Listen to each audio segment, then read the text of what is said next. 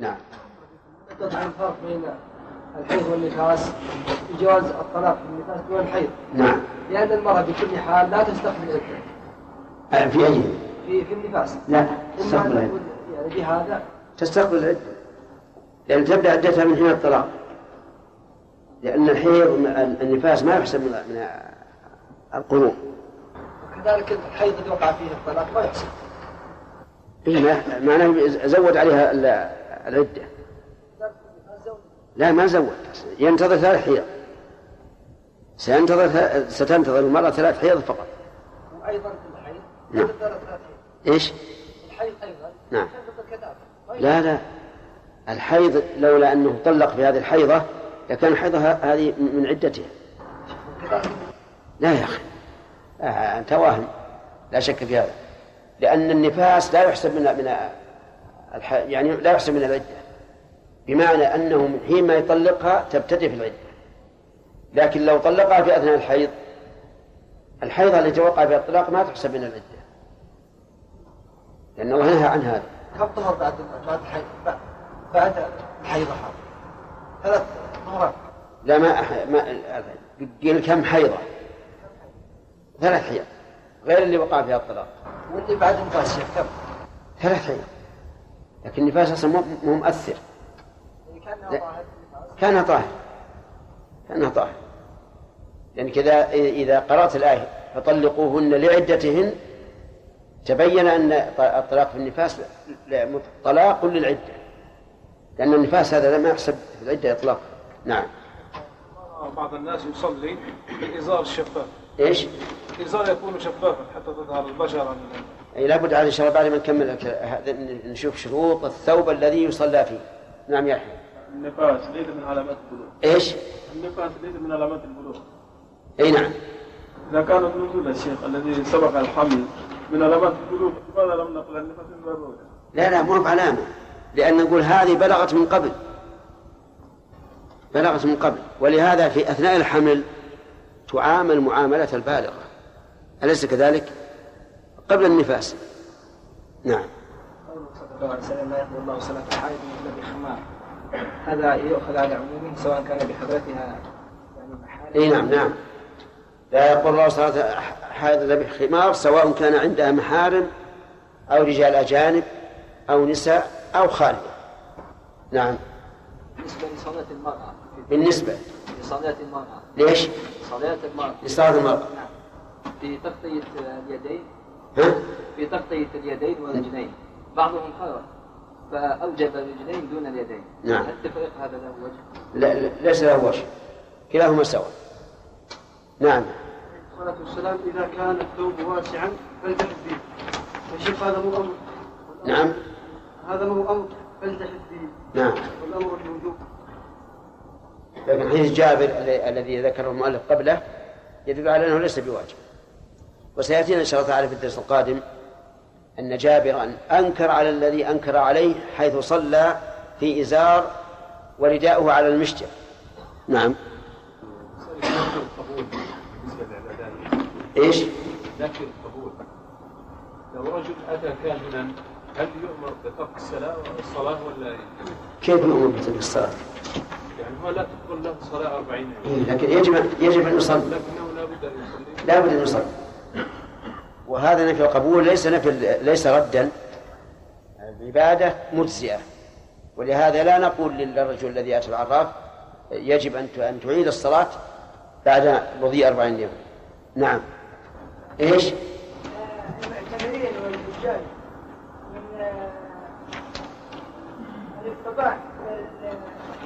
اي نعم نعم.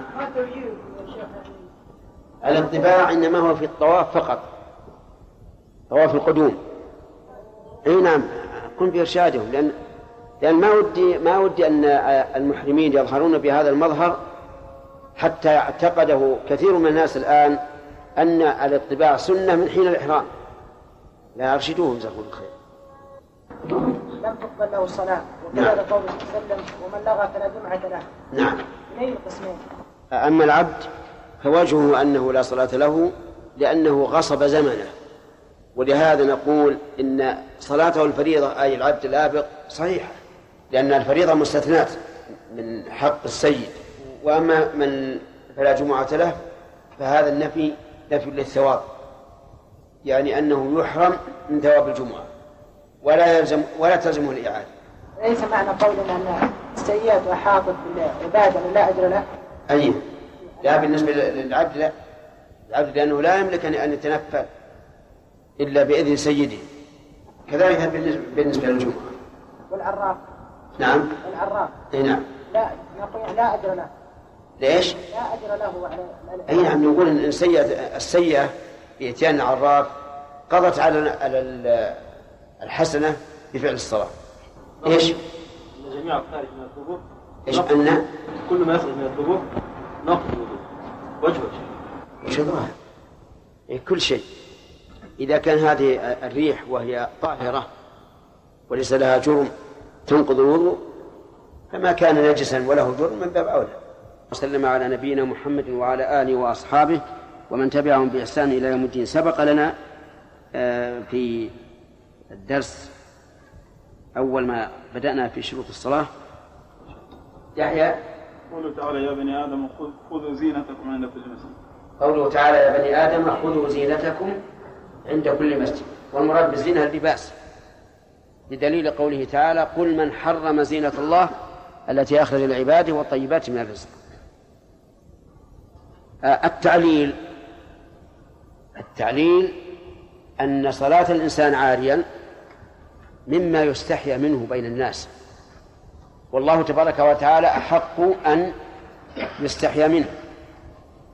فإذا كنت لا يمكن أن تقوم عاريا أمام الناس فكيف يمكن أن تقوم عاريا أمام الله عز وجل؟ والله تعالى حق أن يستحيا منه. وقد ذكر ابن عبد البر أن العلماء أجمعوا على بطلان صلاة من صلى عريانا وهو قادر على الستر لو قال قائل المراد بنفي القبول هنا نفي الثواب الذي يترتب على الصلاة لا نفي الصحة. الأصل أنه نفي الصحة تمام. حديث أبي هريرة شرحناه؟ شرحناه؟ طيب. خلينا فائدة. نكمل. من فوائد حديث عائشة رضي الله حديث أبي هريرة رضي الله عنه لا يصلي أحدكم في الثوب إلى آخره. جواز الصلاة في ثوب واحد إذا جعل على عاتقه منه شيء شيئا. لقوله لا يصلي أحدكم في الثوب الواحد. وهو كذلك. وعلى هذا فلو صلى الإنسان في ثوب واحد ورأسه مكشوف وهو رجل فصلاته صحيحة. فإن قال قائل وهل يستحب ستر الرأس للرجل في الصلاة؟ فالجواب يرجع في ذلك إلى الآية خذوا زينتكم عند كل مسجد. فإذا كان من قوم لا يتم أخذ زينتهم إلا بغطاء الرأس. قلنا غطاء الرأس مستحب. وإذا كان من قوم لا يهتمون بهذا ولا يجعلون غطاء الرأس من الزينة قلنا لا يستحب. لأن الحكم يدور مع علته وجودا وعدما. وعن أم سلمه رضي الله عنها درس اليوم عن أم سلمه رضي الله عنها أنها سألت النبي صلى الله عليه وعلى آله وسلم أتصلي المرأة في درع وخمار بغير إزار؟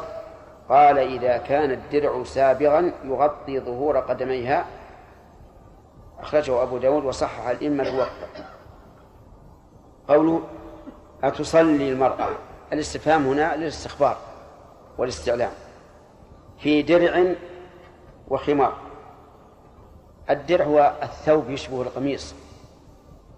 وسمي درعا لأنه يشبه الدرع الذي يلبسه المقاتل اتقاء السهام والخمار ما يغطى به الرأس والرقبة بغير إزار ما يأتزر به الإنسان فيستر أسافل بدنه. فقال إذا كان الدرع سابغا السابغ يعني الوافي التام ثم فسره بقوله يغطي ظهور قدميها. يعني فلا بأس. في هذا الحديث يقول المؤلف أخرجه أبو داود وصحح الأئمة وقفه. وقفه يعني جعله من كلام أم سلمة رضي الله عنها. فهل يقال إن هذا الموقوف له حكم الرفع لأن مثل ذلك لا يقال بالرأي. أو يقال إنه موقوف ليس له حكم الرفع لأنه قد تقوله بالرأي. قد ترى رضي الله عنها أن من تمام أخذ الزينة أن يكون درعها سابقا يغطي ظهور قدميها. والفرق بين الموقوف والمرفوع أن ما أضيف إلى النبي صلى الله عليه وعلى آله وسلم فهو مرفوع. وما أضيف إلى الصحابي فهو موقوف وما أضيف إلى التابع فمن بعده فهو مقطوع. طيب. من فوائد هذا الحديث إذا صح مرفوعا. حرص الصحابة رضي الله عنهم على الفقه في الدين. وذلك لسؤال أم سلمة رسول الله صلى الله عليه وسلم عما جاء في هذا الحديث. وأسئلة الصحابة لرسول الله صلى الله عليه وسلم كثيرة. في القرآن منها نحو اثني عشر سؤالا. يسألونك ماذا ينفقون؟ يسألونك عن الخمر والميسر يسألونك عن المحيض. حوالي اثني عشر, اثني عشر سؤالا. لكن في السنة كثير جدا. وهو يدل على عناية الصحابة رضي الله عنهم في بدينهم وحرصهم على الفقه في الدين.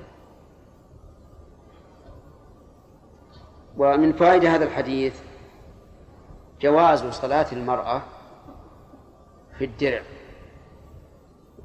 نعم. في الدرع لكن بشرط أن يغطي ظهور قدميها. ومن فوائده الحديث أن القدمين ليس بعورة. ليس بعورة. وجه ذلك أن ما يغطي ظهور القدمين لا يغطي بطون القدمين عند السجود. ولو كان القدم عورة لقال الرسول صلى الله عليه وسلم إذا كان سابغا يغطي ظهور قدميها وبطونهما عند السجود. ومن فوائد هذا الحديث جواز نزول ثوب المرأة إلى أسفل من الكعب. لأنه من من ضرورة تغطية القدم ظهر القدم أن ينزل دون الكعب. بخلاف الرجل. الرجل لا يحل له أن ينزل قميصه أو إزاره إلى أسفل من الكعبين. فإن صلى عن الرجل بثوب ينزل عن الكعبين فهل صلاته صحيحة أو لا؟ أو لا. في هذا خلاف بين العلماء والصحيح أن صلاته صحيحة لكنه آثم. لأن ستر العورة حصل وكون الثوب محرما يعود إلى أمر خارج بدليل أن هذا التحريم ليس خاصا في الصلاة حتى نقول إنه مما يختص بها فيبطلها. تحريم يعني تحريم نزول الثوب بالنسبة للرجل إلى أسفل من الكعب من الكعب هذا عام. في الصلاة وغير الصلاة. والتحريم العام لا يبطل الصلاة.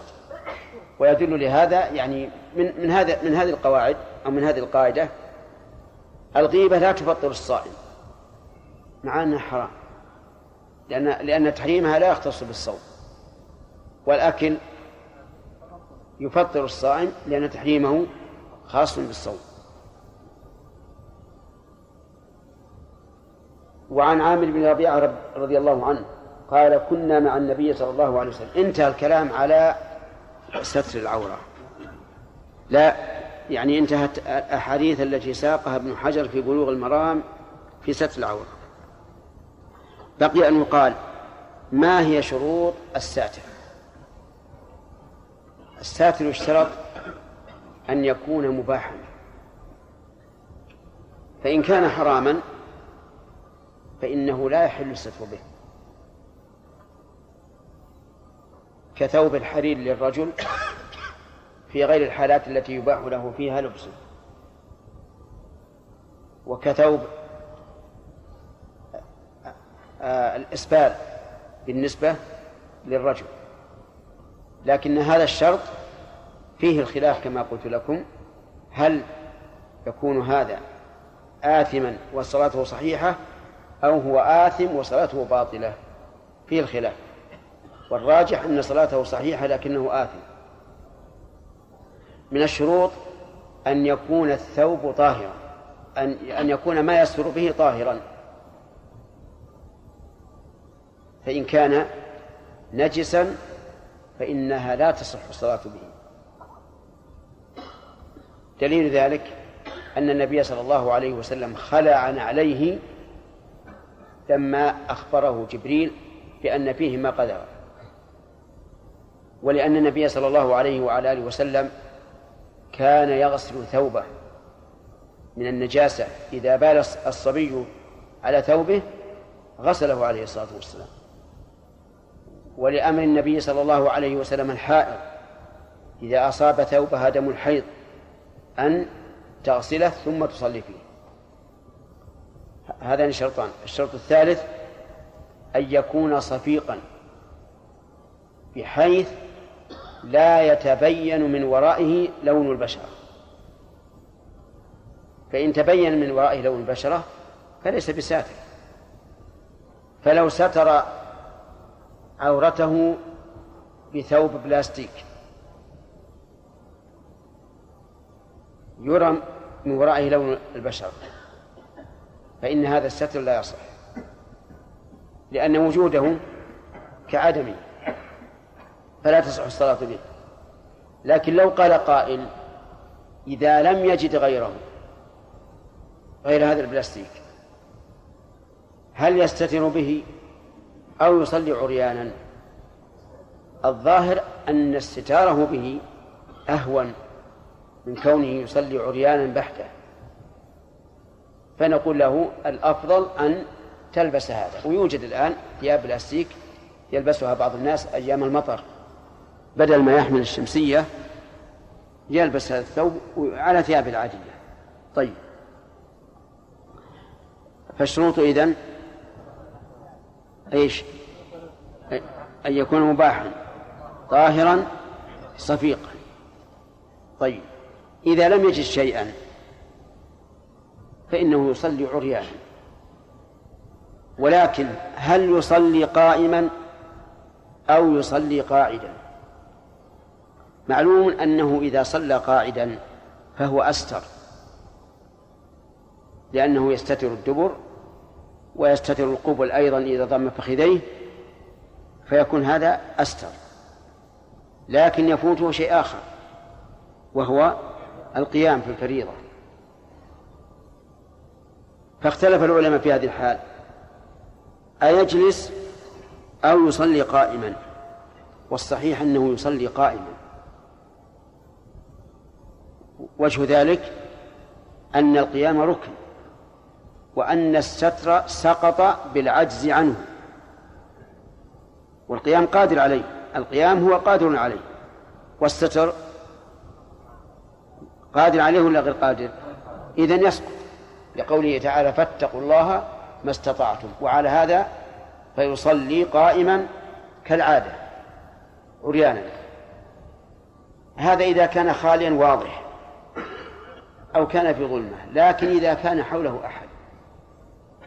فهنا قد يشق عليه مشقة عظيمة مشقة نفسية أن يصلي قائما.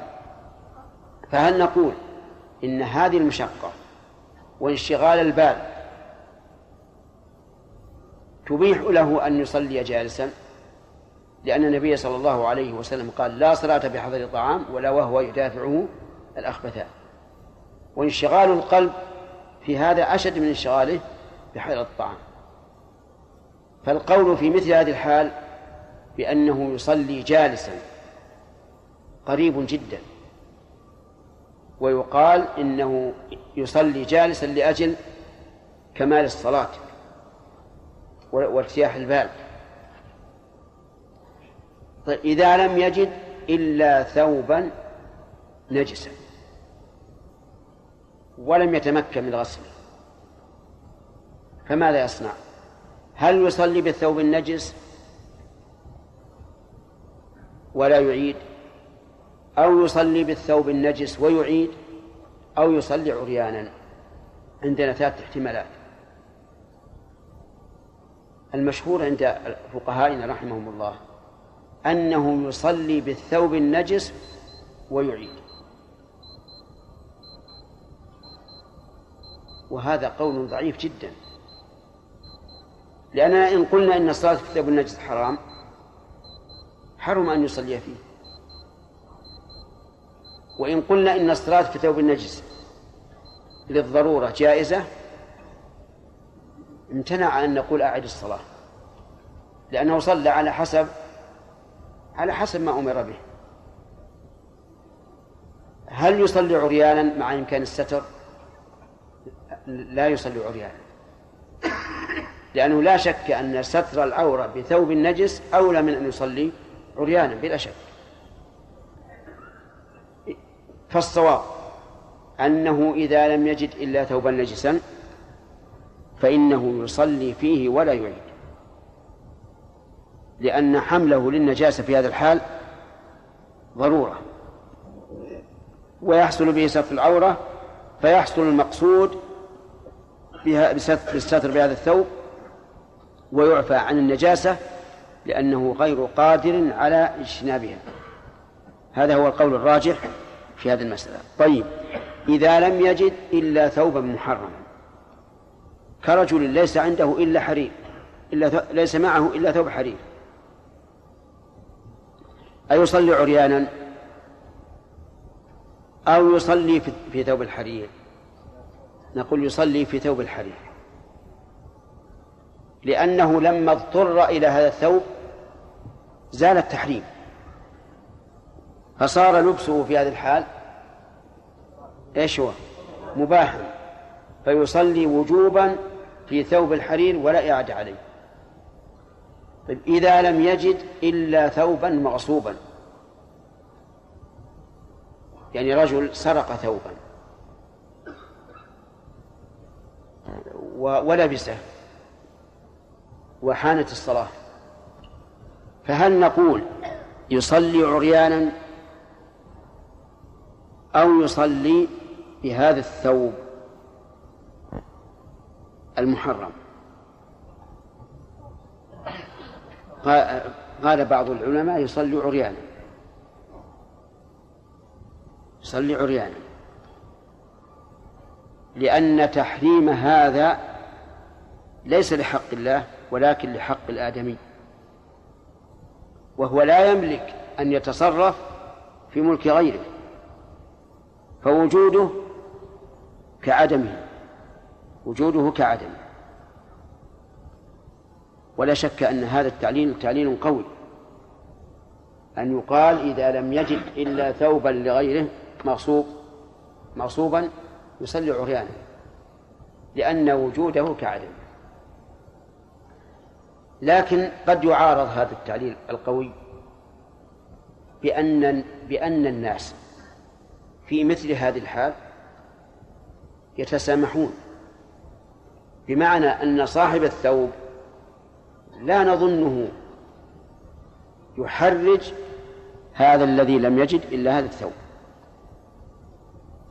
فإن غلب على ظننا أنه سوف يسمح وجب أن يصلي بالثوب ولا إشكال.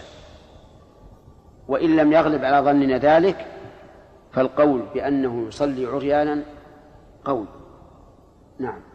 الصورة الأخيرة في المقصود هل يمكن أن يقال أنه يصلي فيه بنية العود بالأجرة؟ لا ما يخالف حتى بنية الأجرة. حتى بنية الأجرة. ليس له أن يتصرف في ملك الغير ولا بنية الأجرة نعم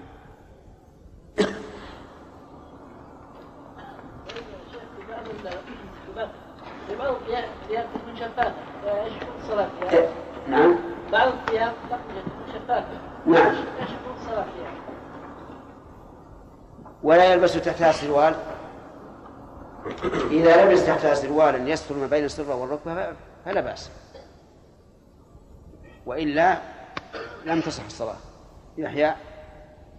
إذا صلت المرأة في ثوب لا يغطي ظهور قدميها هل تعيد الصلاة؟ هذا ينبني على حديث أم سلمة. إن كان مرفوعا فظاهره أنه لا بد من أن يغطي ظهور قدميها. أما إذا كان موقوفا فالخلاف في هذا معروف مشهور. والاحتياط كما أسلفنا لكم سابقا أن المرأة تغطي كفيها وقدميها. نعم. رجل مثلا ذكر في صلاته أن في ثوبه نجاسة. فنأتي من هذه؟ هل يخلع ثوبه؟ ويدخل يخلع يخلع الشماغ مثلا الطاقية فيبقى في سراويله ينكره الناس. أي نعم. يعني لو لو لو علم في اثناء الصلاة أن في قميصه نجاسة فإنه يجب عليه أن يخلعه ويمضي في صلاته ولا يجوز قطعها لأنها فريضة. لا ابدا ما ينكرون. بيقول ما شاء الله هذا رجل فقيه. إذا علم إذا علموا السبب ما ينكرون. نعم. إيش؟ إي نعم. آه الذي يصل البشرة هو الذي يتبين من ورائه لون البشرة لون الجلد. ما هو بظلال الجلد؟ يعني مثل الإنسان يكون عليه السروال يكون عليه الثوب فوقه يعرف حد السروال من من من من, من, من العضو. لكنه ما يعرف إن العضو أحمر أسود آه، حنطي ما يعرف. هذا لا بأس به. لكن إذا كان إذا إذا وضعت الثوب على الجلد نعم تبين لونه فهذا ما يصح. وليعلم أن أن الثياب يختلف آه، الرطب واليابس. الرطب إذا وضعته على على الجلد يصف البشرة واليابس لا يصفها. فهذا يختلف الحكم. وإذا إذا صلى بالثوب رطب ما صح الصلاة. إنما فهمت الضابط الآن؟ نعم. يعني. شيخ لو كان أحدهما عريانا والثاني بثيابه فصلى الذي بثيابه فهل يلزم بإعطاء ثيابه للثاني؟ إعارته؟ نعم. لا لا لا يلزم لكنه أفضل بخلاف ما إذا اضطر إليه لدفع البرد فهذا يلزم إذا كان الإنسان مسافر وصار لك على ثيابه وعلى ثياب النجاسة نعم صلاة الفجر وصلاة الفجر وقتها من صار من طلوع الشمس هل يوخر الصلاة يا شيخ؟ إذا إذا يجد الماء هو يعلم أنه يجد الماء قبل خروج الوقت ولا بعده؟ بعد خروج الوقت لا ما يجوز يصلي بالثوب ولا عليه لأن كل هذه الشهور كلها محافظة على الوقت وإذا كان من إمكان الإنسان يصبر حتى يجد الثياب أو يجد الماء ويصلي متى صلى. شيخ بارك الله فيك هل يحرم على الصغير لا يحرم على الكبير. من جهة الحرير مثلا. يعني إلباس الصغير أو ثوب المسلم لا 14 و 13 سنة. هل فيها خلاف بين العلماء؟ المذهب أن ما حرم إلباس الكبير ما حرم على الكبير لبسه حرم الباسه الصغير. والقول الثاني أنه أن الصغار يلبسون ما جرت به العادة. حتى لو نزل إلى الكعب إلى الكعب فلا بأس. أما مسألة الصور فلا فلا يجوز لا للصغار ولا للكبار. اللي فيه الصور. هذا السؤال قلت لك. والله أنا أتوقف في هذا في هذا. لأني أخشى أنه أنه يربو عليه أي يتربى على هذا الصغير. ولا من المعلوم إن أنه لا يعد هذا آه، خيلاء ولا يقع في عند أهله ولا ولا عنده هو. لكن أخشى أن يتربى عليه. نعم. قال جابر رضي الله عنه ما هذا الاجتماع الذي رأيت يعني وش المقارنة ما اجتمع على سبيل الأفضلية. ها الاجتماع إنه إنه إنه يعقد الرداء مثلا يخالف بين طرفيه ويعقده علشان ما يطيح. لا الرداء ما هو مو قميص يلبس الرداء يلف على على البدن. نعم يا آدم. لو. ظهر بعض الأورام نعم. هل يلزمه الإعادة الفقهاء رحمهم الله يفرقون بين بين اليسير وال- والكثير. وطول الزمن وقصر الزمن. فيقولون إذا طال أو فحش بطلت الصلاة. سواء عالم أو غير عالم. لكن الصحيح أنه يفرق بين الجاهل والعالم. لأن الرجل فعل ما وجب عليه من ستر العورة لكن قد يكون هناك خرق يسير ثم أيضا يفرق بين ما قابل السوءة المغلظة وما قابل طرف الفخذ مما يلي الركبة لله رب العالمين وصلى الله وسلم على نبينا محمد وعلى آله وصحبه أجمعين. سبق لنا أن ستر العورة واجب في الصلاة وله دليل من القرآن والسنة. من القرآن محمد؟ قول الله تعالى يا بني آدم خذوا خذوا زينتكم عند كل مسجد أي عند كل صلاة. نعم. تمام. آدم. حديث جابر رضي الله عنه أن النبي صلى الله عليه وسلم قال له إذا كان الثوب واسعا يعني بالصلاه طيب. ولمسلم المخالف بين نعم. طيب. لكن هذا يدل على أنه شرط هو يدل على الوجوب لا شك. عن أبي هريرة يا شيخ ليس يحدث في ثوب واحد ليس على ذكر من شيء. لا ما في أصرح من هذا نعم. قال الرسول صلى الله عليه وسلم لا يقبل الله صلاة الحائض إلا بجمعة تمام أحسنت. لا يقبل فصرح بعدم القبول. طيب ذكرنا أنه يشترط للساتر الأول أن يكون مباحا. والثاني أن يكون طاهرا. أن يكون طاهرا. وأن يكون آه، صديقا. صفيقا يحصل به الستر. طيب ما ضابط الصفيق الذي يحصل به الستر؟ يا جمال. هذا يتبين من وراء العور لون البشرة. ألا يتبين في معه لون البشرة. طيب لو تبين ظل البشرة يعني صار يميز مثلا آه، حد آه، الملبوس من الجلد. فهو ساتر. لكن الأفضل كمال الستر. طيب. آه، أما العورة التي يجب سترها فأنا لم أقلها لكم لكنهم ذكروا أنها ثلاثة أنواع. ذكر الفقهاء رحمهم الله فقهاؤنا فقهاء الحنابلة أنها ثلاثة أنواع مغلظة ومخففة ومتوسطة. فقالوا المغلظة عورة المرأة الحرة البالغة. المرأة الحرة البالغة. قالوا كلها عورة في الصلاة إلا وجهها. وعرفتم الخلاف في الكفين والقدمين. المخففة عورة الذكر من سبع سنين إلى عشر سنين. فإنها الفرجان فقط. يعني السوأتين ذكره ودبره فقط. أفخاذه وأعلى أفخاذه وما يحاذي الدبر وما يحاذي القبل ليس من العورة. العورة فقط إيش؟ السوأتان الذكر والدبر. هذه مخففة. الذكر من سبع سنين إلى عشر سنين. وما عدا ذلك متوسط. متوسطة. ما بين السرة والركبة. ما بين السرة والركبة.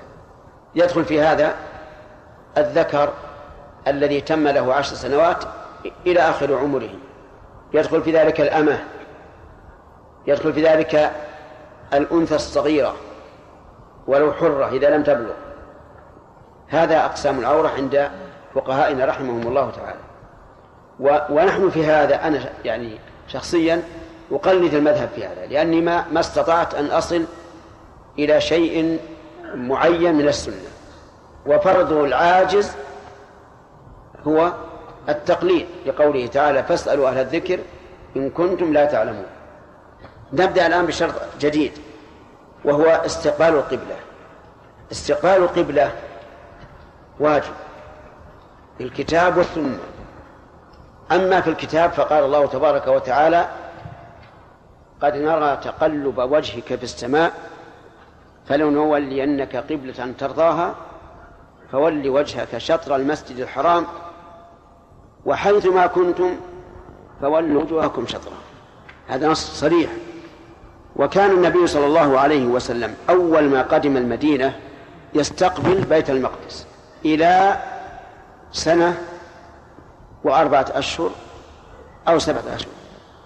ثم أمر بالتوجه إلى الكعبة. أما صلاته قبل ذلك لما كان في مكة فالظاهر أنه يستقبل الكعبة لأنه لا حاجة إلى أن يستقبل بيت المقدس ويبعد جدا أن يستقبل بيت المقدس والكعبة بين يديه. لكن لما قدم المدينة ووجد اليهود يتجهون إلى بيت المقدس توجه عليه الصلاة والسلام إلى بيت المقدس أخذا بقوله تعالى أولئك الذين هدى الله فبهداهم مقتده أو لأي سبب رآه صلى الله عليه وسلم لكنه مع هذا يتطلع إلى أن يتجه إلى قبلة أخرى. ولهذا قال الله له عز وجل قد نرى تقلب وجهك في السماء. وكلمة قد نرى تدل على استمرار تقلب وجهه عليه الصلاة والسلام لأنه لم يقل قد رأينا قد نرى والفعل المضارع يدل على الاستمرار فكان ينظر إلى السماء لعله يصرف فصرف الله فصرفه الله عز وجل إلى الكعبة. وقد ذكر شيخ الإسلام رحمه الله أن الكعبة قبلة الأنبياء كلهم وأن اتجاه اليهود إلى بيت المقدس من من تحريف الكلم عن مواضعه ومن ومن صنيع اليهود وليس من شريعة الله. وأيا كان فالكعبة هي قبلة النبي صلى الله عليه وسلم وأمته إلى يوم القيامة. أما السنة فسيأتينا إن شاء الله تعالى بيان الأدلة من السنة على وجوب استقبال الكعبة. ووجوب استقبال الكعبة لا شك أنه عين الحكمة والصواب والرحمة لأنها تجمع الأمة الإسلامية على اتجاه واحد وهو الكعبة. فما ظنكم لو كان كل إنسان يتجه إلى ما إلى ما يريد؟ لكان الناس في المسجد الواحد إيش؟ يختلفون. لكن الله تعالى بحكمته ورحمته جعل الكعبة واحدة. ثم اختار عز وجل أن تكون الكعبة لأنها أول بيت وضع للناس. وأشرف مكان على وجه الأرض هي الكعبة.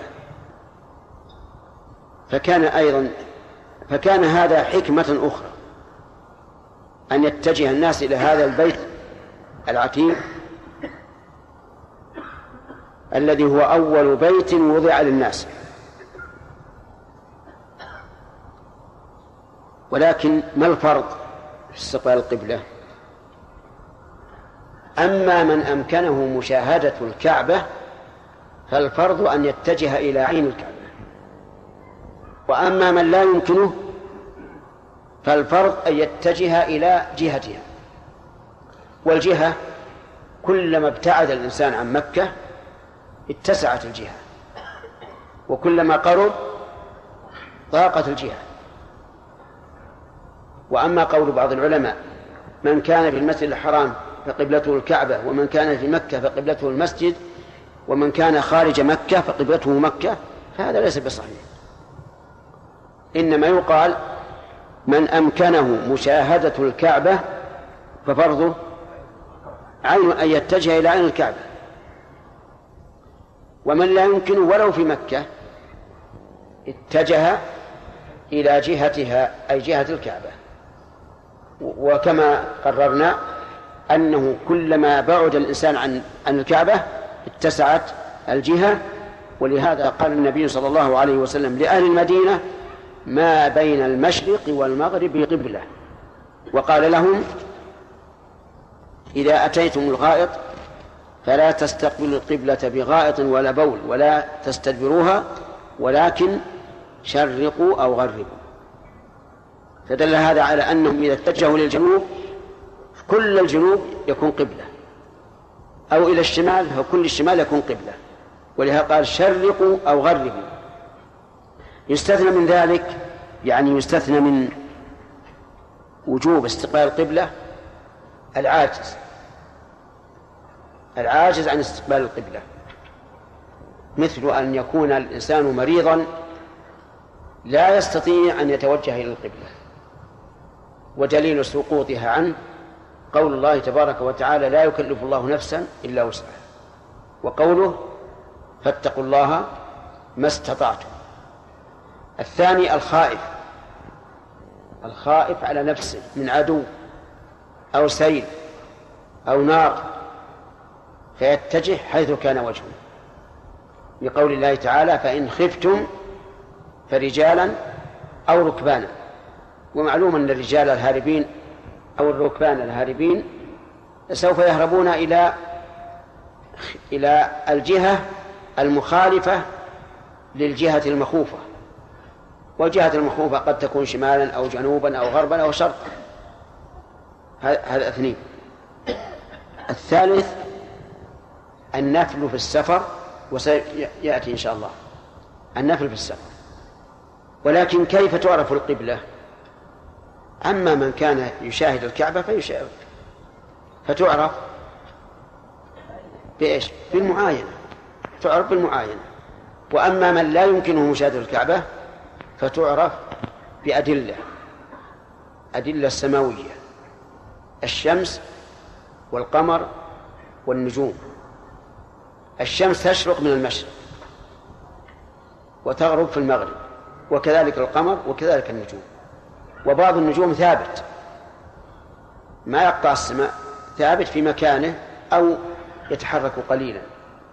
هذه من العلامات. فإذا قدر أنك شرقي مكة فما قبلتك؟ الغرب. وإذا كنت غربي مكة فقبلتك الشرق. إذا كنت بالجنوب فقبلتك الشمال ما بين مشرق الشمس ومغربها. وفي الشمال الجنوب ما بين مشرق الشمس ومغربها. وكذلك يقال في القمر والنجوم. النجوم من أثبتها وأقواها القطب. ونحن في جهتنا هنا لا نشاهد إلا القطب الشمالي لأن الأفق فيه قطبان. الشمالي والجنوب. نحن نشاهد الشمالي لكن الشمالي يقولون إنه نجم خفي لا يراه إلا حديد البصر في غير ليالي القمر. خفي جدا لا يراه إلا حديد البصر في غير ليالي القمر إلا أن حوله نجم قوي واضح. وهو الجدي. فهذا يدور حول القطب ولذلك تجد مساحة دورانه يعني مثل القرص الصغير لأنه قريب من القطب. كلما بعدت النجوم على القطب صار مدارها أوسع. ولهذا كان الناس عندنا ومن زمان يستدلون عليها بالجدي. الجدي هنا في منطقتنا يكون خلف أذن المصلي اليمنى. خلف أذنه اليمنى إذا جعله خلف أذن اليمنى فقد استقبل باب الكعبة. إذا يستدل بالشمس والقمر والنجوم. هنا يعني في عصرنا الآن يسر الله ولله الحمد آلات أجهزة تدلك على اتجاه القبلة. وإذا قدر أنها لا لا تصيب عين الكعبة فإنها تصيب قطعا جهة الكعبة وكفى. يعني ليس ليس لنا أن نتعمق ونقول لابد أننا نصيب عين الكعبة ونحن بعيدون عنها ولكن الجهة. يسرها الله الحمد لله على وجوه شتى وسهلة المنال وسهلة العلم وهذا من التوفيق. لكن لو فرض أن الإنسان ما لم يجد ولا يعرف النجوم ولا الشمس ولا القمر ولم يجد آلة يستدل بها. فإنه يتحرى. يتحرى وأي جهة يركن إليها ويميل إليها يتجه إليها. وهذا قد يقع. يخرج الإنسان للبر وليس عنده علم من أدلة القبلة وليس عنده من يسأله فنقول انظر ما تطمئن إليه نفسك واتجه إليه. ولله المشرق والمغرب فأينما تولوا فثم وجه الله. من ذلك ما ذكر المؤلف عن عامر بن ربيعة رضي الله عنه قال كنا مع النبي صلى الله عليه وسلم في ليلة مظلمة فأشكلت علينا القبلة فصلينا فلما طلعت الشمس إذا نحن صلينا إلى غير القبلة فنزلت فأينما فأينما تولوا فثم وجه الله. نزلت يعني الآية فأينما تولوا فثم وجه الله. هذا يقول أخرجه الترمذي وضعفه. عندكم الشرح؟ شو يقول لماذا ضعفه؟ شيخ التوضيح يقول الحديث حسن وله شاهد أقرأ. هذا ما هو؟ توضيح نعم ولو شاهد حديث جابر عند دار القطني والحاكم والبيهقي وقال الحاكم هذا الحديث يحتج برواته كل كلهم. غير محمد بن سالم فإني لا أعرفه بعدالة ولا جرح ولا جرح. وتعقبه الذهبي بقوله هو. هو أبو سهل و قال الألباني والحديث متابعة أخرى فيها ضعف وبالجملة في الحديث بطرق الثلاث يرقى إلى درجة الحسن إن شاء الله. طيب نعم.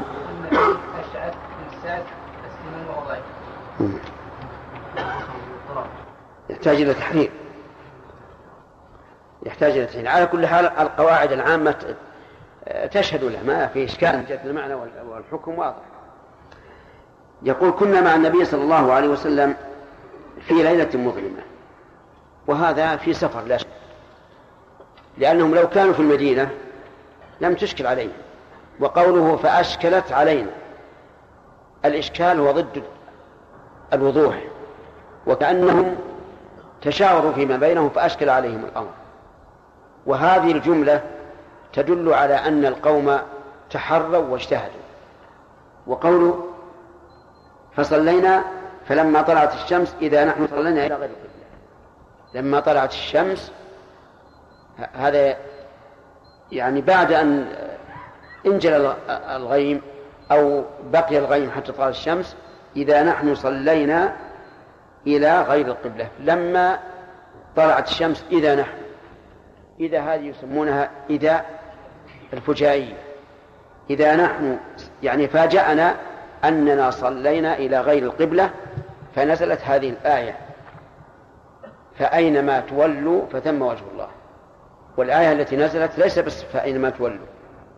التي نزلت ولله المشرق والمغرب فأينما تولوا فثم وجه الله.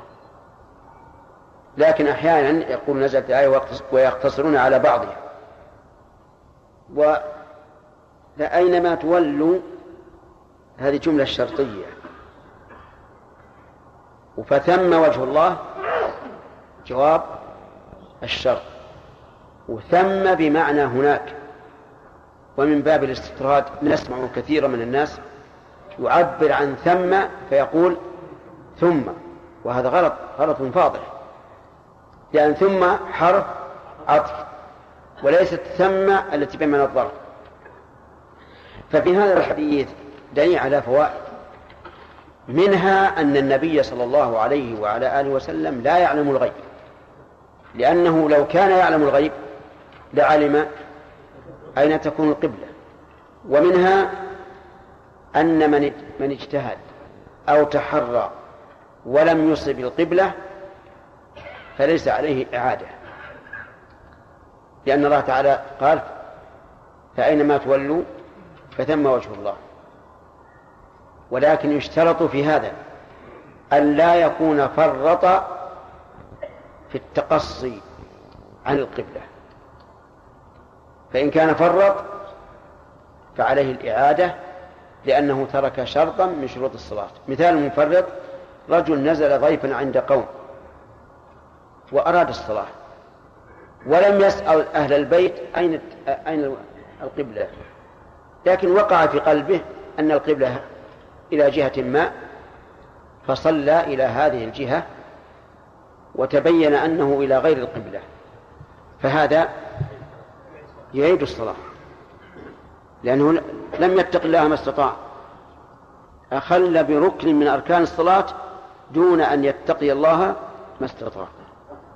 طيب فإن قال له أهل البيت القبلة ها هنا وصلى إليها ثم تبين أن أهل البيت مخطئون. فليس عليه شيء. لماذا؟ لأنه اتقى الله ما استطاع. ماذا يصنع؟ أهل البيت أدرى به. وجهوه إلى هذه الجهة فلا لا يلزمه أكثر من هذا. فإن سأل صبيا قال له أين القبلة؟ قال القبلة هكذا. ثم تبين أنه خطأ. يعيد ولا ما يعيد؟ يعيد. إيه. لماذا لأن الصبي لا يوثق به فهو مفرط إذا اعتمد على قول الصبي. ولهذا ينبغي للإنسان إذا نزل ضيفا على أحد وهو يريد أن يصلي أن يسأل صاحب البيت أين القبلة حتى لا يقع في خطأ ومن فوائد هذا الحديث أن القرآن الكريم قد ينزل ابتداء وقد يكون له سبب. من أين تؤخذ؟ لقوله فنزلت فأينما تولوا فثم وجه الله. ومن فوائد الآية الكريمة أي نعم فوائد الأحاديث بارك الله من فوائد أنا قصد الآية اللي في الحديث لكن نعم هي من فوائد الحديث. من فوائد الحديث أن أن الله تعالى واسع واسع عليم. محيط بكل شيء. أينما تولوا فثم وجه الله. إلى أي جهة؟ فثم أي فهناك أي إلى الجهة التي اتجهتم إليها وجه الله. وما مقصود المصلي باتجاه القبلة إلا أن يكون الله قبل وجهه كما جاء في الحديث الصحيح. وهنا إشكال. وهي كلمة ثم ظرف مكان. فهل الله عز وجل في المكان الذي اتجهت إليه؟ الجواب لا ولا يمكن ذلك. فهو في السماء على عرشه لكنه في الجهة التي اتجهت إليها وإن كان فوق. والمواجهة لا تنافي العلو لا تنافي العلو. المواجهة لا تنافي العلو. أرأيت لو وقفت عند غروب الشمس تنظر إلى الشمس ماذا تكون؟ قبل وجهك وهي في السماء. هذا وهي مخلوق. كيف بالخالق عز وجل؟ ومن فوائد الحديث من هذه الآية إثبات وجه الله تبارك وتعالى لقوله فثم وجه الله. وهل هو وجه حقيقي؟ الجواب نعم ووجه حقيقي. فلله تعالى وجه لكنه لا يماثله شيء. لقوله تعالى ليس كمثله شيء وهو السميع البصير. والواجب علينا أيها الإخوة في أمور الغيب أن نؤمن بها دون أن نسأل عن كيفيتها لأن أمور الغيب أعمق من أن تحيط بها عقولنا. فلا نسأل ولا نتصور إلا ما جاء به النص فقط. فنثبت أن لله وجها ولكننا لا نسأل عن كيفية وجهه ولا نقدر كيفية في أذهاننا. وهذه قاعدة في جميع أمور الغيب. أريحوا أنفسكم. لا تتكلفوا السؤال. لو كان السؤال عن مثل هذه الأمور خيرا لكان أول من يفعله الصحابة رضي الله عنهم. ولو كان بيان كيفية هذه الأمور خيرا لبينه الله عز وجل. كما قال تعالى ونزلنا عليك الكتاب تبيانا لكل شيء فأرح نفسك. ولا تتعدى ما جاء في الكتاب والسنة من أمور الغيب المتعلقة بالله عز وجل أو المتعلقة باليوم الآخر أو المتعلقة بأحوال البرزخ أو غير ذلك. كل الأمور الغيبية لأنها فوق مستوى العقول. كان القبلة معروف في بلد ثم اتجه الإنسان متعمدا إلى جهة يسيرة خالف القبلة كأن يكون مثلا البيت مبني على اتجاه يعني منحرف عن القبلة شيء يسير. نعم. قال الله ما بين المشرق والمغرب قبلة. نعم. وهو بيقين إن البلد أيضا يصيبون عين الكعبة يكون اتجه إلى جهة لا بأس لا بأس. ما دام الأمر موسع الحمد لله لا بأس. لكن كونه يتجه إلى ما يظن أنه أقرب أولى بلا شك. نعم. إيش؟ يظن ان القبله في اتجاه الباب في بلد نعم. وصلنا بعد أيام اخبر ان القبله مخالفه طيب على أي أساس؟ انه صلى في المسجد. ها. البيت إيه. يعني قاس ال- المسجد والبيت. قياس إيه، إذا أخطأ. لا. يعيد الصلاة. يعيد الصلاة لأن الواجب عليه أنه يسأل. إلا إذا كان يشاهد المسجد. مثلا في الدريشة يشاهد المسجد إن اتجاهه هكذا. هذه. يعني علشان إذا شاهد ما أخطأ. نعم أحسن إليك هل يجوز لمأمومين أن يخالف الإمام في اتجاه القبلة؟ مم. يعني يقصد إيش؟ أن- أن يمينون قليلا عن يساره أو عن يمينه إيه. هل ما رأيك لو رأيت هذا المشهد والله رأيت إيش؟ أنا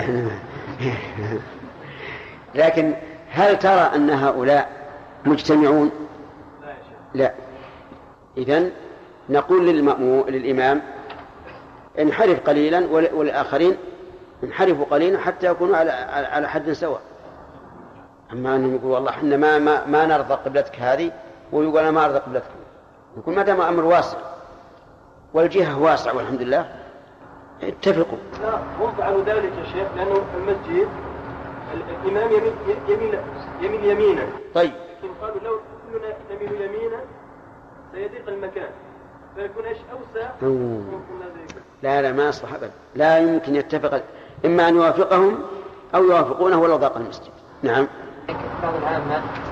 يقول إذا حضرت إذا حضر صلاة الظهر حجر الشمس الأحجاب الفيصل والعصر الأحجاب الفيصل لا لا مو بصحيح ما هو ما يضبط هذا. الشمس تختلف في سيرها شتاء وصيفا الآن شوف البيت. كيف يكون الظل في الشتاء وكيف يكون في الصيف؟ ما مو صحيح. آدم؟ الشيخ أحسن ذلك أو ال- إيش الانحراف ال- الذي ال- الذي يجب يوجب الإعادة أي نعم. يسير ولا أو يعني يتجه إلى يعني مثلا قبلته الغرب فصلى إلى الشمال أو إلى الجنوب. في هذا ما يصح. وإذا لم يخرج اسم إذا لم يخرج اسم جسم؟ اسم الغرب. إيش؟ ما دام هو نقل الجهات أربع الجهات أربع ما دمت الآن في جهة الغرب فإنها القبلة الصحيحة يعني أمر واسع. كيف نضيق على أنفسنا؟ ولا يمكن إنك تبي, تبي توافق عين الكعبة. هذا مستحيل. حتى على القول الراجح آه، آه، مسجد النبي صلى الله عليه وسلم ما يمكن أن ما نستطيع أن نجزم بأنه متجه إلى عين الكعبة. ولو كان متجها إلى عين الكعبة لوجب على الصفوف أن أن تتقوس. نعم. انتهى الوقت. نبينا محمد وعلى آله وأصحابه أجمعين. سبق لنا أن استقبال القبلة شرط لصحة الصلاة فما دليله محمد. قول الله تعالى فأينما تولوا فثم وجه الله. خطأ. نعم. قوله تعالى قد نرى تقلب وجهك في السماء. قد نرى تقلبا وجهك في السماء. نعم. فولي بقبلة ترضاها فولي وجهك شطر المسجد الحرام وحيثما كنتم أحسنت. هذا الدليل. استقبال القبلة يسقط في مواضع. في ثلاثة مواضع و- اللي وراء. في ثلاث مواضع. نعم. حطنا عبارة عامة. في هذا في هذه النقطة اللي حالة قلت الخوف. نعم. عند الخوف. والثاني. وعند اتجاه العدو. لا. عند العجز يا شيخ. وعند العجز. والثالث. يلا وليد نسيت. عبد الله؟ النافلة للمسافر نافلة في السفر. طيب. إذا اجتهد الإنسان في تحري القبلة ولم يصب فهل تصح صلاته؟ نعم. نعم. الدليل. أينما تولوا فثم وجه الله. ولله المشرق والمغرب. أينما طيب. وهل هناك دليل آخر من القرآن؟ نعم. قوله تعالى فاتقوا الله ما استطعتم. وقوله لا يكلف الله نفسا إلا وسعها. طيب. ما هو الواجب استقباله فيما إذا كان الإنسان قريبا من الكعبة أو بعيدا. يلا يا عقيل. نعم. إذا كان يرى الكعبة الواجب عليه معاينته إذا كان يرى- الكعبة فالواجب عليه معاينتها يعني يتجه إلى عينه. وإن كان لا يمكن رؤيتها. فالجهة حتى في مكة. حتى في مكة. اجزم. ها. نعم حتى في مكة. حتى في مكة. توافقون على هذا؟ نعم حتى في مكة. طيب. ثم نبدأ بدرس جديد. وعن أبي هريرة رضي الله عنه قال قال رسول الله صلى الله عليه وعلى آله وسلم ما بين المشرق والمغرب قبلة. رواه الترمذي وقواه البخاري. ما بين. ما اسم موصول مبتدأ. وبين شبه جملة صلة الموصول. وقبلة خبر المبتدا يعني قبلة للمصلي. والخطاب هنا لمن كانت قبلتهم الجنوب أو الشمال. مثال الأول أهل المدينة وأهل الشام. هؤلاء قبلتهم الجنوب. ومثال الثاني أهل اليمن فهؤلاء قبلتهم الشمال. فما بين المشرق والمغرب قبلة لكل من كانت قبلته بين المشرق والمغرب. سواء من جهة الشمال أو من جهة الجنوب. وهذا يدل على ما سبق من أن من بعد عن القبلة عن الكعبة ففرضه استقبال الجهة. فيستفاد من هذا الحديث فوائد منها تيسير هذه الشريعة. حيث امتدت جهة القبلة عند البعد عن معاينة الكعبة. ومنها أنه لا يضر الانحراف عن مسامة القبلة ما دام في الجهة. الدليل قوله ما بين المشرق والمغرب. فإن ما بين المشرق والمغرب بالنسبة لمن قبلتهم الجنوب بعيد جدا. ومع ذلك جعله النبي صلى الله عليه وعلى آله وسلم قبلة. ومن فوائد ذلك ومن فوائد الحديث أنه لا يلزم الإنسان أن يتكلف بطلب مسامة القبلة حتى إن بعض الناس ربما يهدم مسجدا قائما عامرا مع انحراف يسير يعفى عنه فإن هذا لا يجوز. إذا أوسع الله علينا فعلينا أن نوسع. ومن فوائد هذا الحديث أن خطابات الشرع قد تكون عامة وقد تكون خاصة. ويعين ذلك الحال والقرائن. فنحن نعلم مثلا أن أن هذا الخطاب لا يصلح إلا لمن؟ لأهل المدينة ومن كان مثلهم ممن قبلته الجنوب وبالعكس لأهل اليمن ومن كان مثلهم ممن قبلته الشمال. فمن قبلته الشرق أو الغرب؟ ماذا نقول له؟ نقول ما بين الشمال والجنوب قبلة. فالمساحة واسعة والحمد لله. وعن عامر بن ربيعة رضي الله عنه قال رأيت رسول الله صلى الله عليه وعلى آله وسلم يصلي على راحلته حيث توجهت به متفق عليه. زاد البخاري يومي برأسه ولم يكن يصنعه في المكتوبة. هذا الحديث يقول عامر رأيت النبي صلى الله عليه وسلم إلى آخره. والرؤية هنا رؤية عين.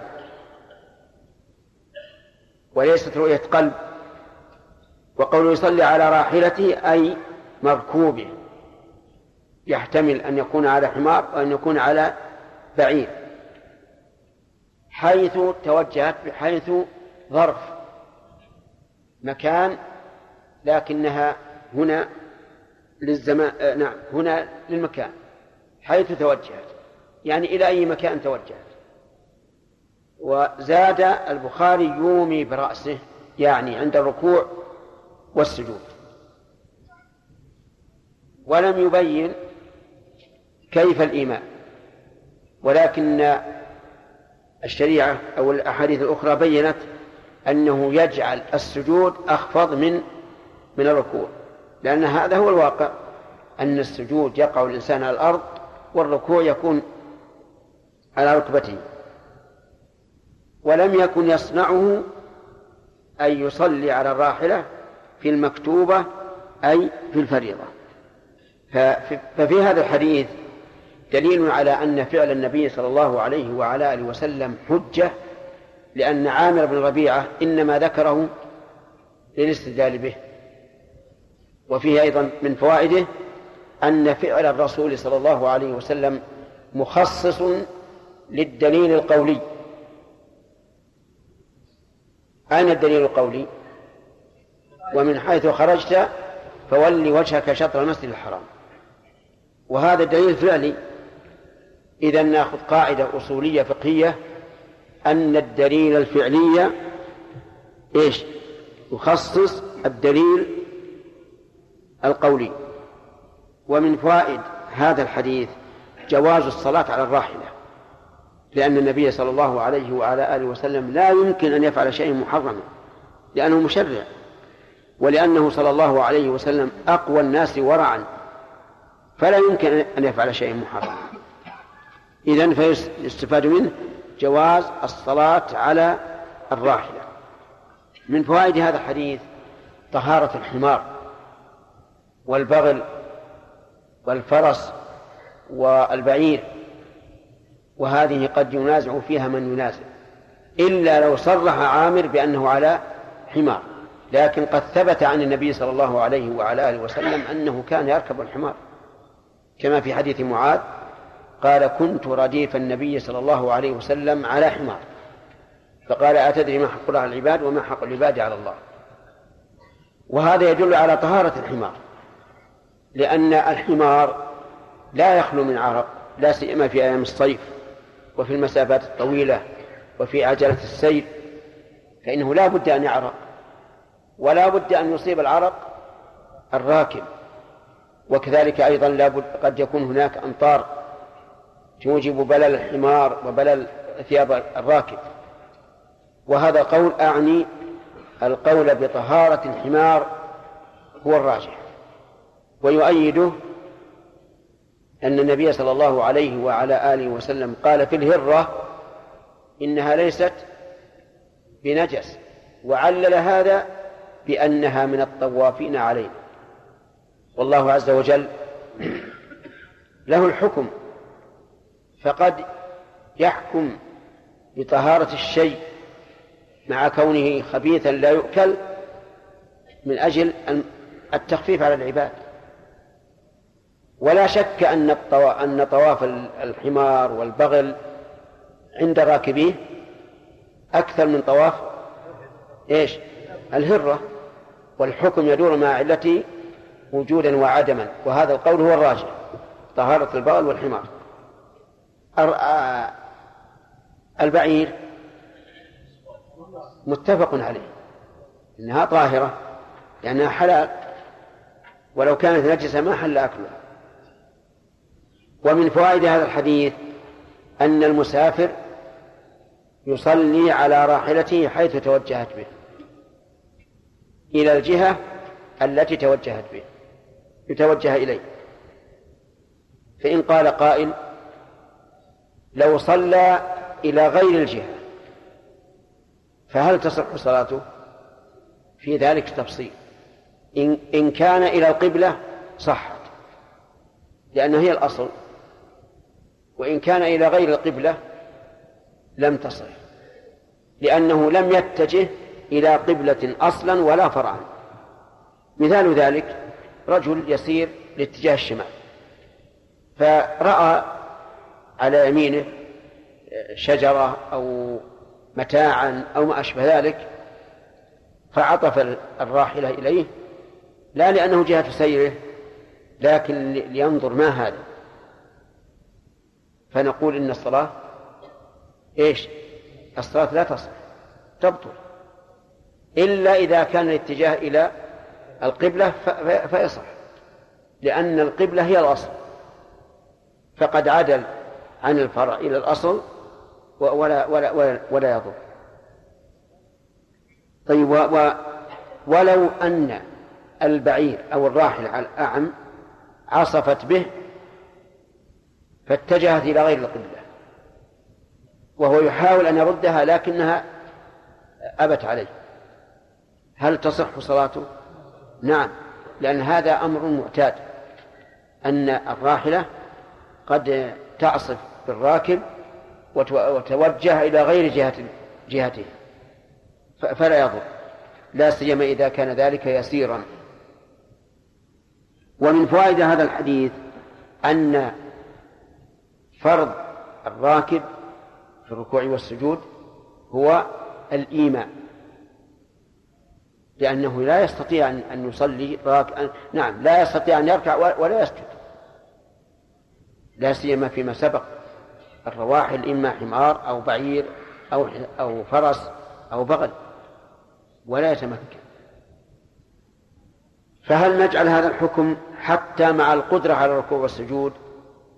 أو نقول حال العجز الظاهر الثاني أنه حال العجز وأنه إذا أمكن أن يركع ويسجد وجب عليه أن يركع ويسجد كما لو كان في سفينة. مع أنه في السفينة قد نقول لابد من استقبال, من استقبال القبلة لأن المكان واسع ويمكن أن يتوجه يمينا وشمالا وحيث شاء. ومن فوائد هذا الحديث التيسير على المكلف في فضائل الأعمال. لأنه لا شك أن هذا من التيسير إذا كان الإنسان يريد أن يتنفل ويتطوع لا نلزمه أن ينزل ويتطوع على الأرض بل نقول تطوع على راحلتك وهي تسير به ومن فوائد هذا الحديث أن هذا لا يجوز في المكتوبة لقول عامر لا ولم يكن يصنعوه في المكتوبة. ولم يكن يصنعوه في المكتوبة. وعلى هذا فإذا كان لا يصنعه في المكتوبة بقي الاستقبال في المكتوبة على إيش؟ إيش؟ على الأصل.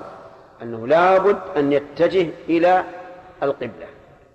لكن سبق لنا أن استقبال القبلة يسقط عند العجز وعند الخوف. فلينقل إلى هنا. ومن فوائد هذا الحديث أن الأصل تساوي الفرض والنفل أن الأصل تساوي الفرض والنفل ووجهه أنه لولا ذلك لم يكن للاستثناء ضرورة. لأنه يقال إنما ورد التخصيص في النافلة فتبقى الفريضة على الأصل. فيأتي إنسان ويقول نعم هذا هو الأصل إن تبقى الأصل لكن يمكن أن نقيس. ونقول الفريضة كالنافلة. لأن ما ثبت في النفل ثبت في الفرض. فلما نفى الصحابة رضي الله عنهم أنه لا يصلي عليها المكتوبة علمنا أن الأصل إيش جابر؟ تساوي إيش؟ ها؟ تساوي الفرض والنفل. إلا بدليل. طيب إذن نقول في هذه المسألة تختلف الفريضة عن النافلة. فإذا قال قائل ما الحكمة؟ قلنا الحكمة في هذا تنشيط الإنسان على التطوع. لأن لو قلنا له لابد أن تنزل وصلي بالأرض ما فعل. قال هذه نافلة ولا حاجة للصلاة فمن أجل تنشيط الإنسان على التطوع رخص له أن يتطوع على راحلته. طيب. هناك فروق بين الفرض والنفل. أمليناها عليكم سابقا. أظنها تبلغ العشرين أو تزيد. نعم؟ على كل حال هي موجودة عند بعض الإخوان. من أحب أن يطلع عليها فإنها مفيدة. الفروق بين الفرض والنفل نعم؟ موجودة في الممتع طيب الحمد لله. الممتع أظن موجود عند أكثركم. قال ولأبي داود من حديث أنس رضي الله عنه وكان إذا سافر فأراد أن يتطوع استقبل بناقته القبلة فكبر ثم صلى حيث كان وجهه وجه ركابه وإسناده حسن. قوله كان إذا سافر. كلمة سافر أي فارق محل إقامته لأنه مأخوذ من الإسفار. كأنه تخلى عن القيد وهو الإقامة في محله. فالسفر مفارقة محل الإقامة. ولم يرد عن النبي صلى الله عليه وعلى آله وسلم في حديث صحيح ولا ضعيف أنه محدد بأميال أو فراسخ أو بضع وإنما جاء مطلقا. والأصل فيما جاء مطلقا أن يرجع فيه إلى الشرع فإن وجد مقيد له مقيد عمل به. وإن لم يوجد رد إلى العرف. هذه القاعدة. وإذا تأملنا الكتاب العزيز وجدنا الله تعالى يقول وإذا ضربتم في الأرض فليس عليكم جناح أن تقصروا من الصلاة. وقال جل وعلا وآخرون يضربون في الأرض يبتغون من فضل الله.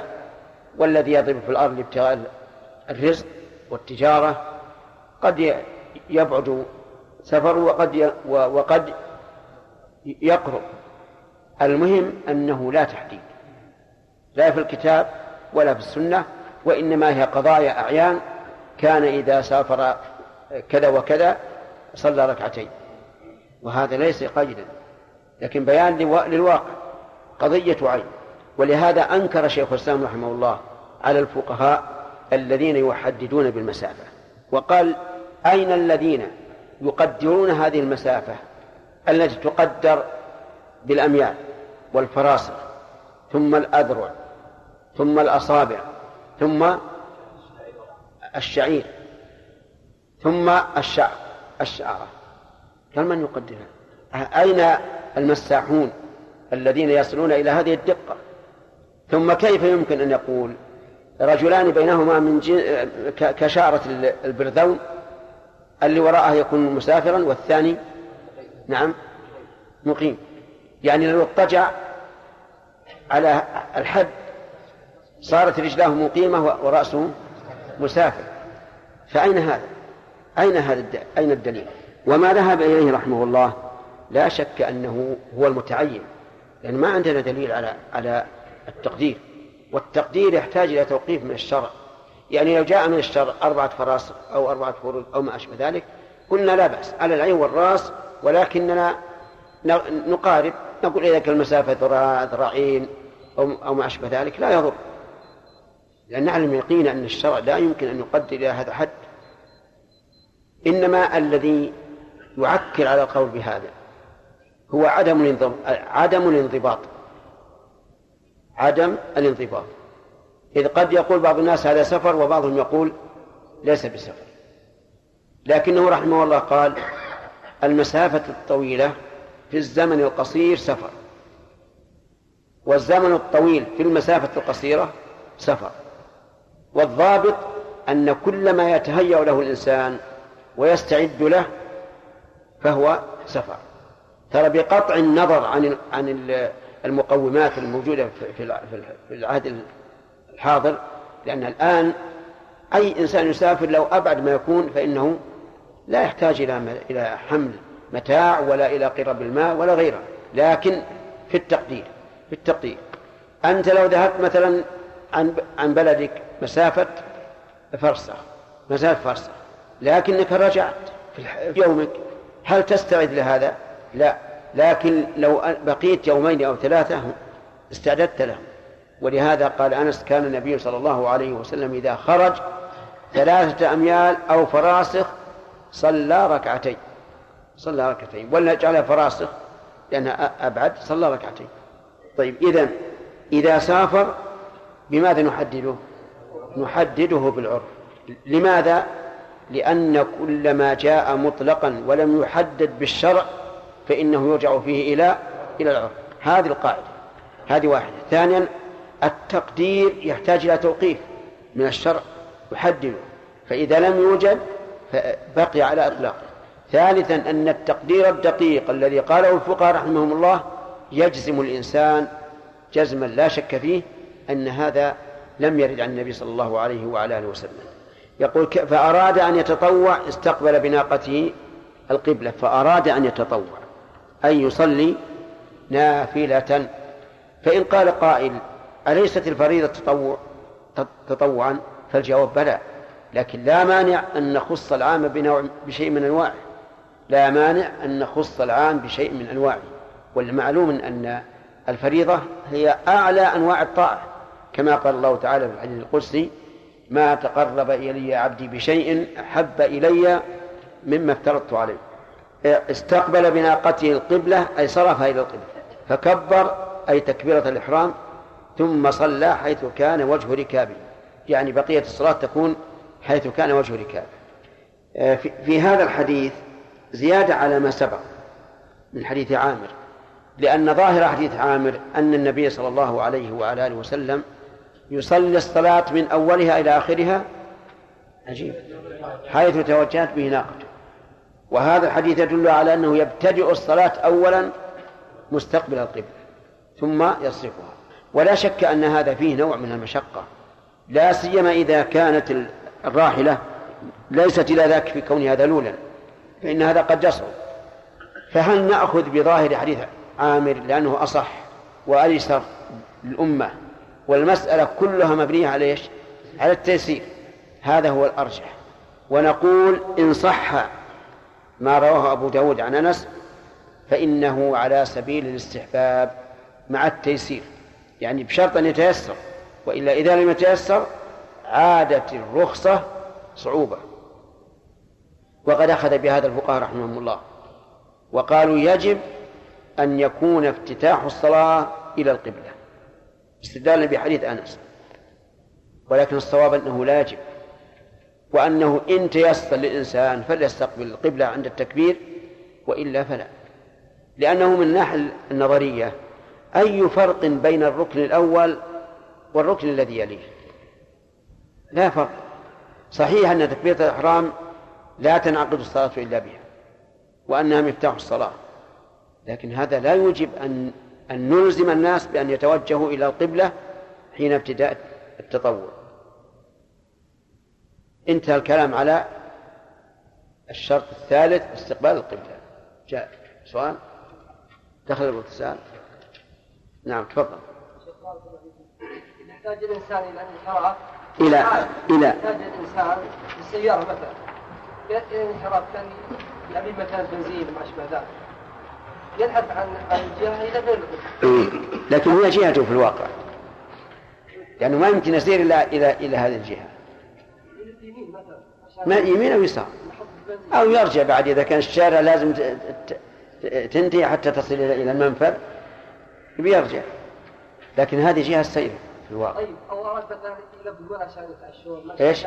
أو؟ يعني عشان يلبون بالاستراحة نعم. وما زال في الصلاة في أواخر الصلاة. والله الظاهر إن هذا انه إنه تابع السفر لأنه من مصلحة السفر.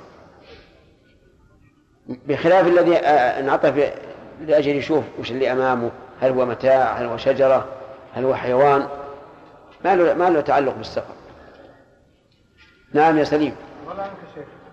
كلام الفقهاء تحديد تحديد السفر يا شيخ. نعم. تكلف والتكلف ما, ما مر فيه؟ ما, ما هو من قواعد الشرع يا شيخ؟ الذي تفكر فيه نعم صحيح. هذا أيضا مما يدل أن فيه تكلف وتعمق. إي نعم. نعم. الشيخ قولنا بأن المسافر إذا كان يصلي الراحلة ثم انحرفت به عن انحرف هو عن جهة سيره أنه تبطل صلاته. إي نعم. أشكل أشكل مع عموم قوله يصلي على راحلته حيث حيث توجهت به. نعم. هذا فيه عموم قد يشمل هذا. لا لا ماشي لأن الراحلة ما توجه إلا إلى جهة السير نعم. الحرام نعم. قد لا يمكنه قد؟ قد لا يمكنه الاتجاه إلى عين الكعبه الحمد لله. الآن المسجد الحرام يعني في غالب الأحيان ما يمكن يشاهد الكعبة لأن فيه أعمدة ولا ولا يشاهد لكن فيها الآن الحمد لله آه شو اسمه؟ خطوط. لا لا في خطوط وأيضا الفرش يوجهونه للقبلة زال الإشكال ولا كان بالأول؟ مشكلة. أحيانا أحيانا يعيد الصلاة. الله أكبر. طريق السفر نفسه يا شيخ. يعني يرجع إلى الطريق العكس. عكس ما كان يسير عليه. نعم. في هذه الحالة من مصلحة السفر. يعني نعم. هو هذا الطريق. لا يدخل في هذا الطريق. لا يبقى على صلاته نعم يبقى على صلاته لأن ما يمكن يتجه إلا على هذا النحو. نعم. الله عليك. ما لي القاعدة؟ إيش؟ القاعدة ما توضحت لي أن الدليل الفعلي خاص بالدليل القولي نعم. كيف؟ توضيح القاعدة. آه، حديث. فولي وجهك شاطر المسجد الحرام هذا عام. يشمل السفر والحضر والراكب والماشي فعل الرسول عليه الصلاة والسلام في كونه يتجه إلى غير القبلة يخصص هذا العموم. نعم. في حال الجلوس في حال القراءة السفر هل الأفضل يضع يديه على صدره أو على ركبتيه؟ لا على صدره. في حال القيام على صدره. سمير. بالنسبة للعادي كالمريض هل الأفضل له أن يؤخر الصلاة إلى آخر وقتها؟ في أول وقتها؟ هل يرجو أن أحد يوجهه؟ نعم يؤخر. لأن المحافظة على الشرط أولى من المحافظة على التقييم في أول وقت. لو كان يعني لو كان شك. شك؟ يعني في شك. كيف الشك يجد أو لا يجد فالأصل عدم الوجود. يصلي في أول وقت. لكن لو علم أن له صاحب سيحضر في آخر الوقت فلا فليؤخر. نعم. إيش؟ نعم هل يصلي النافلة؟ وش ترى أنت أنت سواق أنت ولا لا؟ أسألك أنت سواق ولا لا؟ طيب لو اشتغلت بالنافلة مو على خطر؟ أسألك قل نعم ولا لا؟ ها؟ ما في خطر؟ لماذا؟ الآن السيارات يوم يكسرون يجلس شيخ يقود برجله آه. حتى لو ثبت السرعة يمكن خطم أحد. السريعة لا ولا البيان السريع. دائما يصير خطر. افرض افرض ان إن السيارة حصل عليها نوع من ال- ال- الارتباك. أحيانا صار في مطب ولو كبير ترتبك السيارة. أنا رأيي أن لا أن لا يصلي. لأنه فيه فيه مثل ما قال النبي صلى الله عليه وسلم لا صلاة بحضر طعام ولا وهو يدافع الأخبثان. نعم عبد الله. هل تجوز الإمامة على الراحلة؟ هل تجوز؟ الإمامة. على الراحلة. البعير ولا الحمار؟ يجوز. لكن يصفون وراءه. كيف؟ عجيب. هل أليس يصفوا أمامهم وهو على الأرض وهم على الأرض؟ إذا كان واحد فقط. ها؟ إذا كان واحد فقط. يعني راكبين.